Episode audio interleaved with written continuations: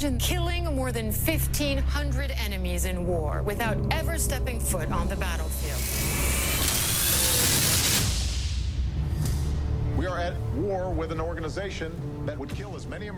Velkommen til denne utgaven av Filmsamtalen, hvor vi skal snakke om eh, dokumentarfilm. Med meg har jeg to avtroppende eh, dokumentarfilmkonsulenter i Norsk Filminstitutt. Even Bennestad og Kristine Anskaret.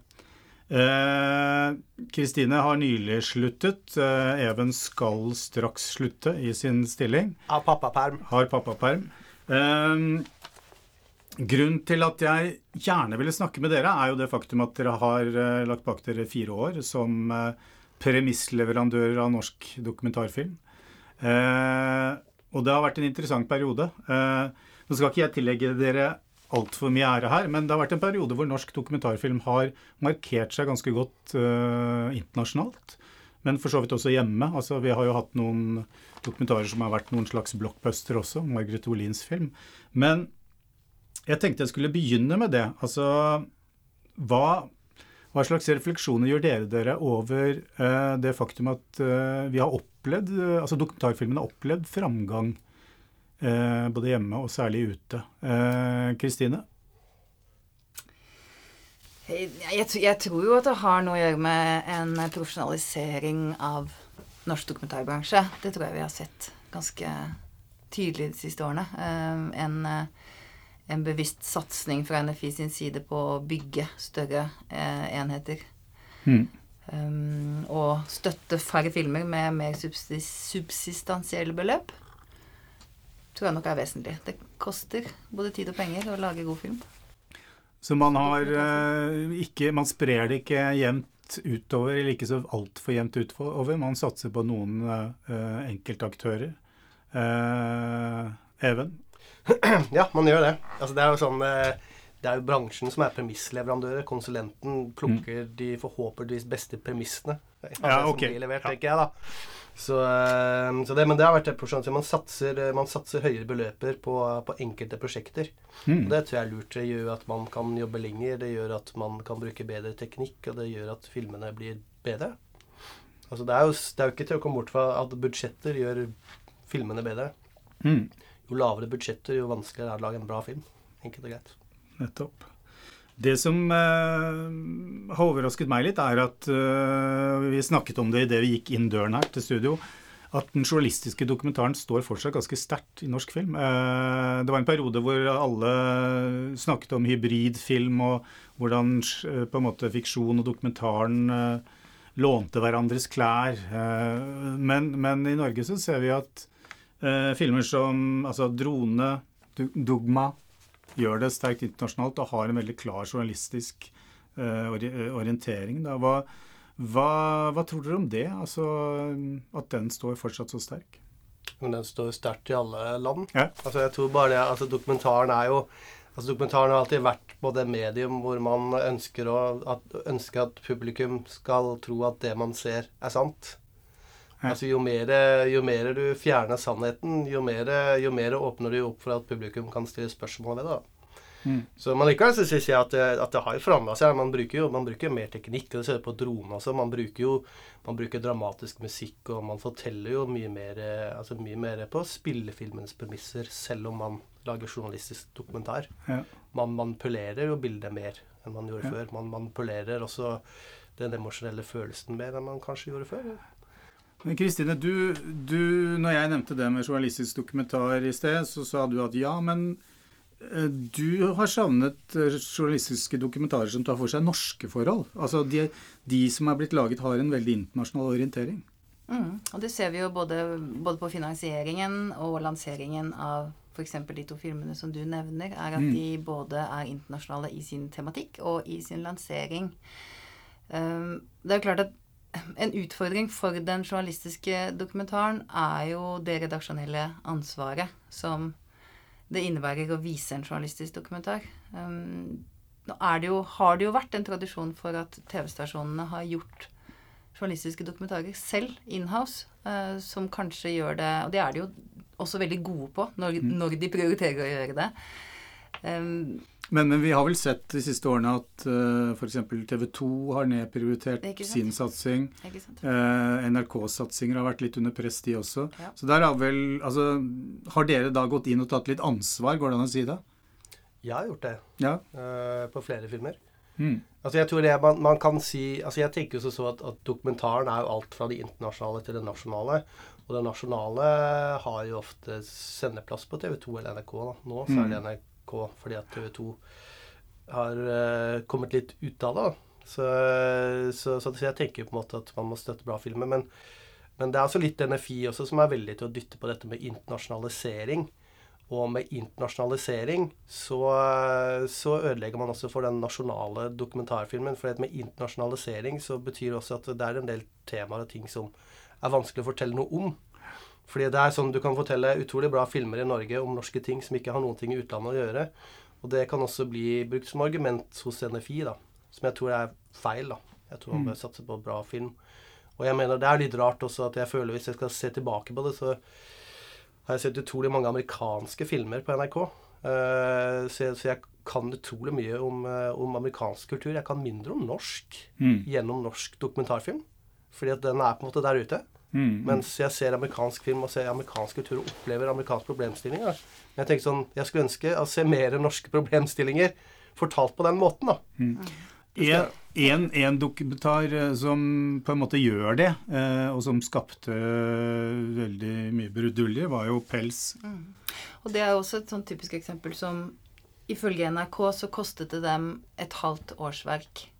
Og eh, hva er det de kaller det? Eh, kvalitetssikre den filmen for visning. Sånn juridisk eh, og Juridisk sett. Ja. Det, og det tror jeg er en, en, veldig spennende utfordring for den norske dokumentarfilmen. Det, det, ene er jo finansieringsmodellene. At for å få en eh, produksjon opp på et nivå som det går an å både leve av og lage en god film, så trenger man eh, mer finansiering enn det NFI og NRK til sammen kan hoste opp. Mm. Eh, det presser jo produsentene ut. Sant? for å få en, en, profesjonell produksjon opp å stå, så trenger man såpass mye midler eh, at man er nødt til å bevege seg ut av Norge. Mm. Fordi at norske kanaler ikke altså finansierer såpass marginalt, da. Mm. Så det gjør jo at man velger tematikk som er internasjonalt. Det gjør at vi mister en del norsk tematikk. Og en annen ting er jo det, det redaksjonelle ansvaret som maktkritisk dokumentar krever. Som jeg syns å se at, og det har vi jo sett også i forhold til Magnitsky Act-saken, at mm. Eh, det Jeg er litt redd for at det ansvaret forvitrer. Da. Det er lite villighet hos plattformene til å Eller mindre villighet enn det var før til å ta det ansvaret. TV 2 mm. sa jo liksom for noen år siden så, så ble TV 2 uh, uh, Altså de uttalte sånne ting som at de så på det som en ære å bli stevnet pressen, i Pressens faglige utvalg. For det betyr at man har røsket opp i noe, man har provosert opp noe, man har på en måte bedrevet eh, maktkritikk. da. Man vil selvfølgelig helst ikke bli felt, mm. men man tar gjerne kampen. Mens nå så syns jeg det er noen tendenser til at man er mer eh, konforme i forhold til det norske innholdet. Man lager filmer om mer sånn hyggelige personlige ting da, som ikke provoserer mm. kapitalkreftene.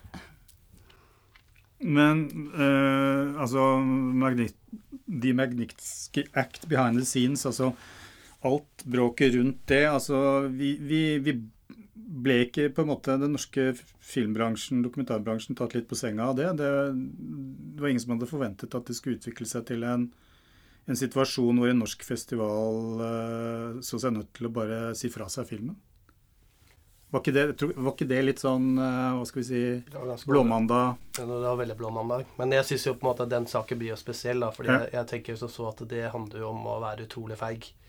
Og det er skummelt når en, eh, en eh, millionær og pengesterk eh, fyr i et annet land kan komme med en sånn trussel, og at det faktisk blir tatt til etterretning. At man sier nei, nei, vi kan ikke vise den, vi kan ikke ta den saken. Det er skummelt. Mm. Fordi at, og det er ganske ødeleggende òg, for det, det, setter jo på en måte en, kan fortsette en stopper for andre sånn type prosjekter. da, At man tenker ok, men det kan vi ikke lage i Norge. Mm. Så, så, så det, er, det, er jo, det, er, jo, på en måte et skadeverk da, som er veldig trist at skjer. Det som den tydeliggjorde, er på en måte en manglende tillit til det norske lovverket, tenker jeg. Og det, det syns jeg jo er trist. For når altså, filmen ble stevnet i Stavanger, så ble jo den stevningen avvist med med henvisning til ytringsfriheten, paragraf 100. Mens eh, hos, i styret i Kortfilmfestivalen så har man tydeligvis ikke hatt tilliten til at, at det norske lovverket er eh, Altså vil forsvare den ytringsfriheten. Da. Det, Men hvis man skal se positivt på det, så, så har det jo ført til en slags selvransakelse, og hvor man vurderer Altså veier ut av det uføret som potensielt ligger der fremover, da. Eh, hva, hva, hva tror du om det? Altså forhåpentligvis så har den, den har i hvert fall synliggjort noen utfordringer som jeg tenker at bransjen er nødt til å forholde seg til. Mm. For, Eh, forhåpentligvis har den ikke, så skremmer den ikke- filmskapere fra å ta tak i kontroversielle temaer. Det, Nei. har jo ikke NRK vist filmen ennå, så det blir spennende å se hvordan det blir. Ja, vi, jeg var inne på det med disse fire årene deres. Altså, nå ser vi jo ennå ikke det fulle resultatet av de filmene dere har bevilget midler til, og kanskje er de siste bevilgningene helt katastrofale, det vet vi jo ikke. Men, men er, det, er det noen prosjekter dere er spesielt stolte av? Altså som dere tenker nå at Yes, jeg er så glad for at jeg ga den støtte. Det er egentlig ganske mange prosjekter som jeg er veldig glad jeg er glad for å støtte. Og så er det noen prosjekter som jeg er utrolig lite glad for at jeg ga støtte. Og det har jeg ikke lyst til å fortelle noe om. Nei.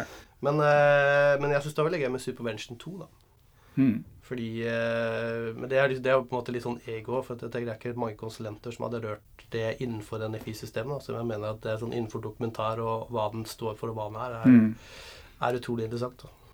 Som um, action, sport uh... Action, sportfilm. Det er, Ja, noe, det er ikke noe egentlig narrativ. Da. Du går på en måte fra, fra den ene berg-og-dal-banen til den neste da, i nesten to timer. Ja.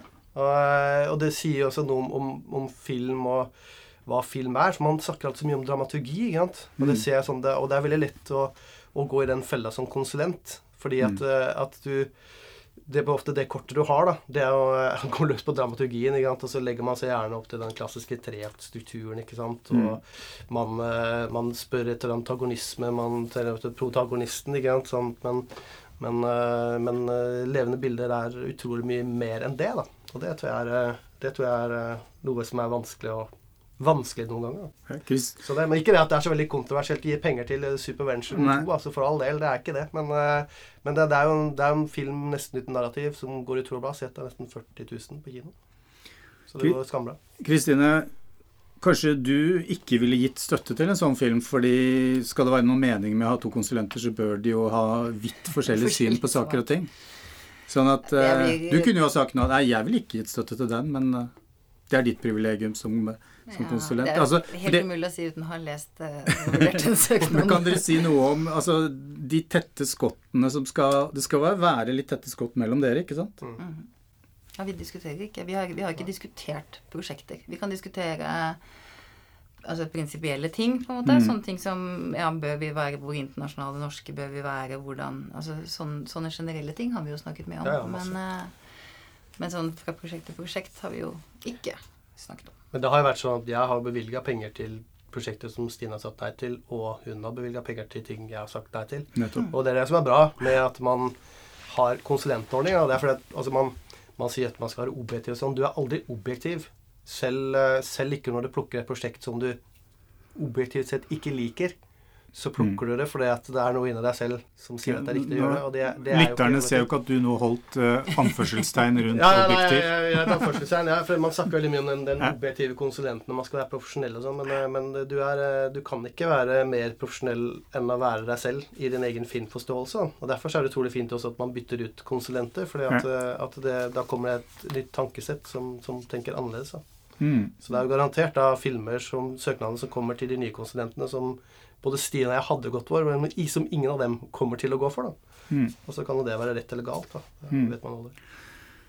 De siste hva skal vi si, ti årene så har det jo skjedd utrolig mye med dokumentaren. Og vi, vi snakker jo om en gullalder ikke sant, innen dokumentarfilmen. og eh, Jeg brukte jo et begrep her i stad, hybridfilmen. Altså hvordan på en måte fiksjonen og dokumentaren låner eh, stilistiske trekk fra hverandre osv. Altså, eh, nå kan det godt hende at noen av lytterne tenker at å, hybridfilm det er så 2014, liksom. Eh, at jeg er litt akterutseilt her. Men hvis jeg, skal, jeg kan stille spørsmålet på en annen måte. altså Gir det noe mening å bruke begrepet dokumentar lenger? Altså er det Er ikke det en sånn eh, identitet eller en, en sjanger som er helt i fritt fall? Nei, Nei. det er den ikke. Det, man, trenger, man trenger dokumentaren som begrep. For jeg tror hvis man, hvis man bare sier at alt er film, så, så, så mister man noe vesentlig i kommunikasjonen. da. Men, eh, men, spørsmålet er på en måte om man skal være, være tydeligere på at noe er dokumentarfilm.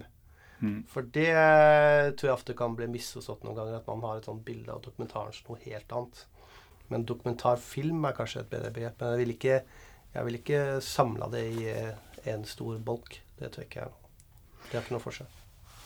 Det er, jo et, det er jo et begrep som er uh, altså, det, Et sånn begrenset begrep som jeg av og til ser at har, har store utfordringer. Både i, både i forhold til plattformene. altså Tidligere så snakket man ofte om TV-dokumentar kontra kreativ dokumentar som to forskjellige ting. Kunstnerisk dokumentar. Kunstnerisk dokumentarfilm. Fri kunstnerisk dokumentarfilm. Ja, ja. Altså, og det vi jo ser nå, kanskje er at de to tingene i større grad glir over i hverandre. Og det gir jo noen utfordringer igjen i forhold, i forhold til det der redaksjonelle ansvaret som vi snakker mm. om. At plattformene ikke helt uh, vet enda hvordan de skal forholde seg til sjangeren. fordi tradisjonelt sett så har man liksom Hvis du ser en dokumentar på TV, så vet du at det du får se, er sant og objektivt mm. og dobbeltsjekka, og alle perspektiver er tatt i betraktningen. Mens de litt nyere fortellerformene som dokumentaren kommer med nå, er jo igjen f.eks. Magnitsky Act, som jeg tror gir den en del utfordringer, er jo at den ikke er Den, den påberoper seg jo heller ikke å være objektiv og nøytral, mm. altså, men tydeliggjør i sin fortellerform at den er undersøkende og tvilende og forskende og stiller spørsmål fra et tydelig liksom fortalt fortellerstandpunkt. Mm. Eh, ja, og det er jo også syns jeg å ha sett nå f.eks. med 'Barneraneren', som vi har sett på kino, som jo er en vil jeg si, hybrid, mm. eh, at også eh, anmelderstanden sliter litt noen ganger med å forholde seg til den som film, fordi man begynner å snakke om eh, hvordan virkeligheten burde ha vært. Man begynner å snakke om moralske At guttene burde hatt mer dårlig samvittighet. altså En del sånne ting som man ikke ville gjort på samme måte med en fiksjonsfilm. da. Som jeg syns er veldig interessant å diskutere. Ja, skal en dokumentarfilm vurderes som et lukket kunstnerisk verk, eller skal den liksom vurderes ut ifra hvilke moralske Altså ut fra liksom moralske standarder? Um, du kan ikke fortelle alt i en dokumentarfilm. Jeg tror det er det som ofte blir litt problematisk, at man diskuterer Man snakker ut fra at hele sannheten burde vært der. Og noen ganger så er sannheten så innmari stor at den, den vil aldri romme en film engang. Mm, mm. Så, altså, så, det er sant. Eh, ja, du nevnte, Even, altså, altså drone som et eksempel eh, på at Som vi føler øvrig begge to har støttet. Ja, ikke sant? Som et eksempel på at også, selv om den er journalistisk, så bruker de filmatiske virkemidler, eh, og, og de fleste gjør jo det. Men altså allikevel så så, jeg, så er det en påstand fra meg om at jeg syns jo ikke at norske filmskaper, altså, eller norske dokumentarister, eh, utforsker filmens muligheter så veldig. Altså med å f.eks. låne litt sånn av fiksjonsfilmens gevanter. Altså prøve å eh, ta, dra det enda lenger. Eh, vil, altså, vil det hatt noe mening for Burde flere spillefilm- eller fiksjonsregissører lage dokumentar omvendt? Altså, da vil jeg nesten tenke omvendt. For ja. jeg synes, altså, Av norske fiksjonsregissører så er det jo ikke veldig mange av dem som er veldig formnysgjerrige. Altså, Nei, det kan... altså, den, visuelt mm. sett så er jo den norske spillefilmen i total krise, spør du meg. da. Mm. Altså, Det er, det er laga av, av pappagutter. Som har hatt veldig, veldig, lite motstand i livet. Og det største problemet er at er om moren kan kjøre dem på tennistrening eller ikke. Så de, de, eh, og, det, og, de har laga 1000 reklamefilmer. Eh, så jeg, jeg, vet ikke akkurat hva man hva man sier. Men, eh, jeg tror, men jeg tror det at man det man bør vært flinkere til i Norge, det er, altså, det altså å se på filmskap Enten så er du dokumentarist, eller så er du, er du fiksjonsfilmregissør. Mm. Og det er liksom ikke noe Det er veldig vanskelig å, å skifte over for, for, begge. Og det er hvis du er dokumentarist og du kommer inn på et kontor hvor det er fiksjonsfolk, og du skal snakke om fiksjon, så, eh, så, er det, så, er det, veldig problematisk. Og, det, det vil, og vice versa også. ikke sant? Mm. Og det merker jeg jo selv også. Jeg har fått søknader fra fiksjonsregissører, så sitter jeg som ah, som, som, er, eh, som er For jeg tenker at man og det er sånn internasjonalt I USA sånn, så er jo dokumentarister har jo lagd fiksjon. Og ofte så har dokumentarister blitt plukket til fiksjon nettopp av mm. den grunn. Og mange dokumentarister har jo, har jo vært sjangerdefinerende for, uh, for fiksjon. Stanley Kubrick var dokumentarist før han begynte med fiksjon. Men Toby Hooper var ja, vil, vil, vi se mer av det? Altså, ja, Margaret Olin har jo forsøkt seg på fiksjon. altså Vil vi se flere dokumentarister som gjør det i Norge også, kanskje? Jeg håper det. da. Jeg håper ja. det. Samtidig så håper jeg altså at flere fiksjonsregissører også kommer til, kommer til dokumentar. Og, mm. om, om, det på en måte vil gjøre så mye med, med utforskning av filmspråk og sånn, det vet jeg ikke. Det er noe med at når jo mer kommersiell film blir, og jo mer det koster mer prestisje er, jo, jo, jo, mindre kunstnerisk vil den også bli. Man, er, man, blir jo reddere for å ta, ta de store mm. sjansene, kanskje. Mm. Så det Vi ser jo det, litt det, er, eh, det, vi jo har sett litt, og det er jo særlig liksom innenfor Nye Veier-ordningen, at, vi, at uh, produsenter uh, henter inn regissører fra kunstfeltet. Der mm. syns jeg vi har sett mye spennende. Ja, Nye Veier-ordning er en, en sånn talentordning ja, for uh, Der talenter kan utforske litt. Der skjer det jo veldig mye kult. Ja. Altså det, og det er jo der har vi også noen av de filmene Margit Olin sin, sin 'Snåsamannen' er jo laga der. Mm. Og det er jo et kunstnerisk ambisiøst prosjekt som har, blitt, som har, gjort det stort. Men, uh, men hvis, du, hvis, du, lager en statistikk på det, disse kunstnerisk ambisiøse filmene har jo en tendens til å havne med et veldig lite publikum. da. Mm. Men noen ganger så, så, eksploderer de, og det eksploderer de veldig. da, Så kanskje man burde være tøffere. altså Produsenten være tøffere til å satse på dem. da. Ikke bare ta dem gjennom nye veier, men uh, ta dem gjennom vanlige ordninger. Men det er jo, jeg tenker jo også generelt, jeg vet ikke, om jeg er helt sånn skrivende på dem pappagutter og sånn, men det er jo et, Men er jo uh, um, Jeg er jo enig i det sånn generelt, og det er jo ikke bare på dokumentarfeltet, men at jeg også har på en måte savnet en større sånn estetisk refleksjon hos filmskapere. Mm. Uh, jeg syns den er veldig interessant, den debatten som kommer opp nå, som Ulrik Eriksen har etterlyst også. Altså det der med å være intellektuell er et skjellsord for norske, for norske filmskapere. Det, og det kan man jo se litt på det. Men, men er filmskapere av natur intellektuelle? De de, skal de ikke manipulere følelser? Er ikke det en intellektuell øvelse? Nei da, vi skal ikke ta den Neida, diskusjonen men, men her. det er jo noe med filmens altså, Ikke nå, i hvert fall. At man, at man, i større grad snakker om filmens uh, innhold, da, filmens mm. betydning, filmens samfunnsmessige betydning. Hvilke historier forteller vi, hvorfor forteller vi dem? Hva sier, de om, sier det om oss, og hvordan påvirker, den, påvirker filmen oss? Mm. Det Fraværet av den diskursen syns jeg er uh, liksom påfallende, ikke bare i i, eh, altså ikke bare internt på norsk, Da snakker jeg ikke om internt på Norsk Filminstitutt, men i den norske bransjen. Jeg pleier liksom å tulle med det litt, at i Danmark sett utenfra. I Danmark så snakker de om den danske filmkunsten. Mm. I Sverige så snakker de om det levende bildets påvirkning av samfunnet. I Norge så snakker vi om en bærekraftig bransje. Mm. Um, så det håper jeg at vi kan Ja, at vi kan se litt um, mer utfordrende filmer som estetisk utfordrende filmer. Mm, mm. Men jeg merker også på søknad også at, eh, at, man vier lite tid til den, det formmessige. Man skriver der det hadde mye tema og historie, og så står det sånn dette er ingen typisk eh, håndholdt dokumentar, er det ting som går igjen. Jeg lurer, jeg lurer veldig på hva det egentlig betyr.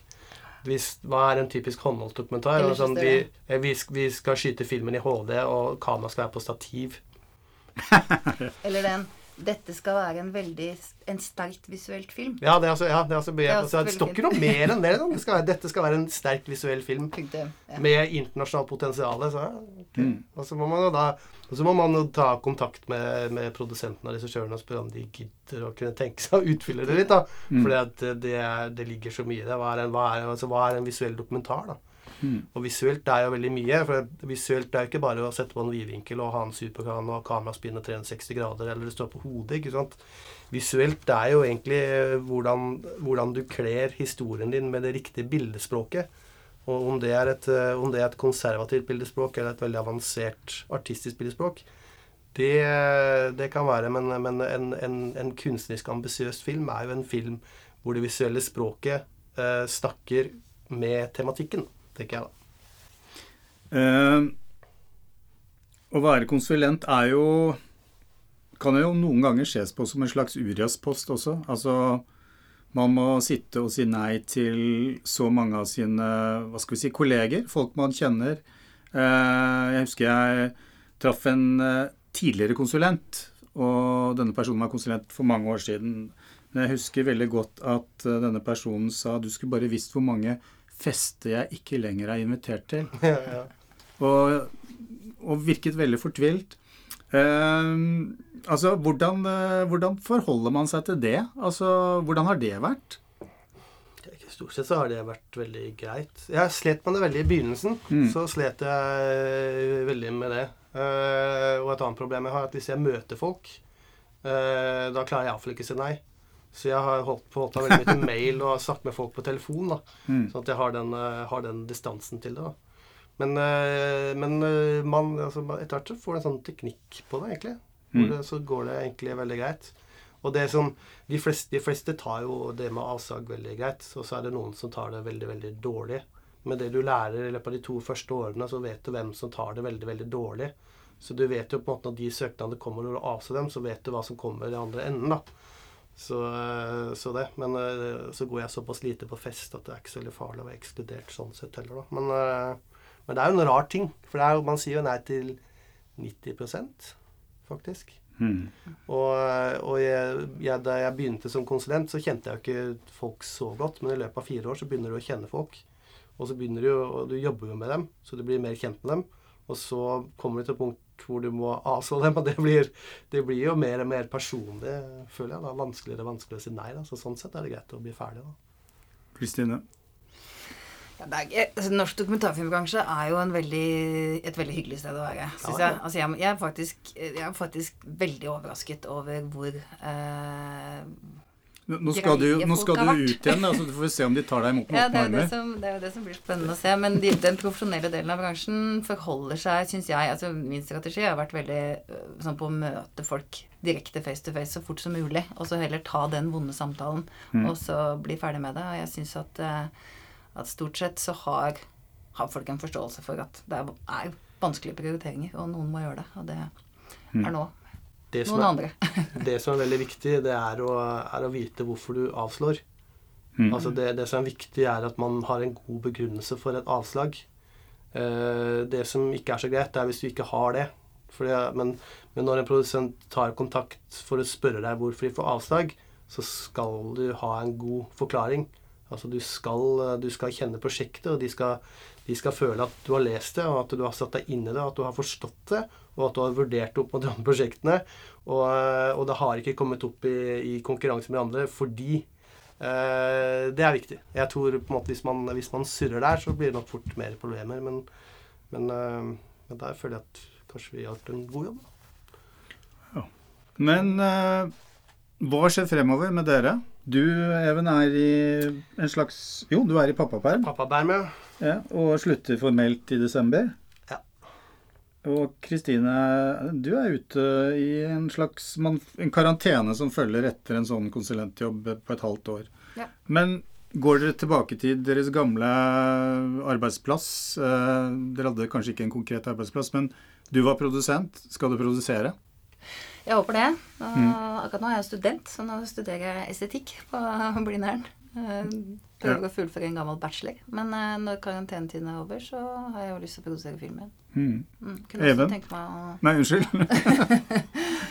Nei, men jeg har jo også lyst til å Jeg har prøvd meg, prøvd meg litt på å undervise. Uh, videreformidle litt av den erfaringen man forhåpentligvis har samlet opp. da. Det er Mm. gøy å jobbe med de unge og lovende. Mm. Men uh, absolutt. Even, du er jo regissør. Det er jo det du egentlig er, er det ikke det? Jo, vanligvis så har jeg vært det, ja. det er, eh, men hva som skjer eh, jeg, jeg vet ikke. Jeg har ikke Nei. tenkt så mye på det. Jeg tenker eh, nå har jeg fri, og det er veldig fint. Mm. Uh, å være hjemme og, og måtte surre og tvinne tomler og ordne i garasjen og dra på turer og sånn.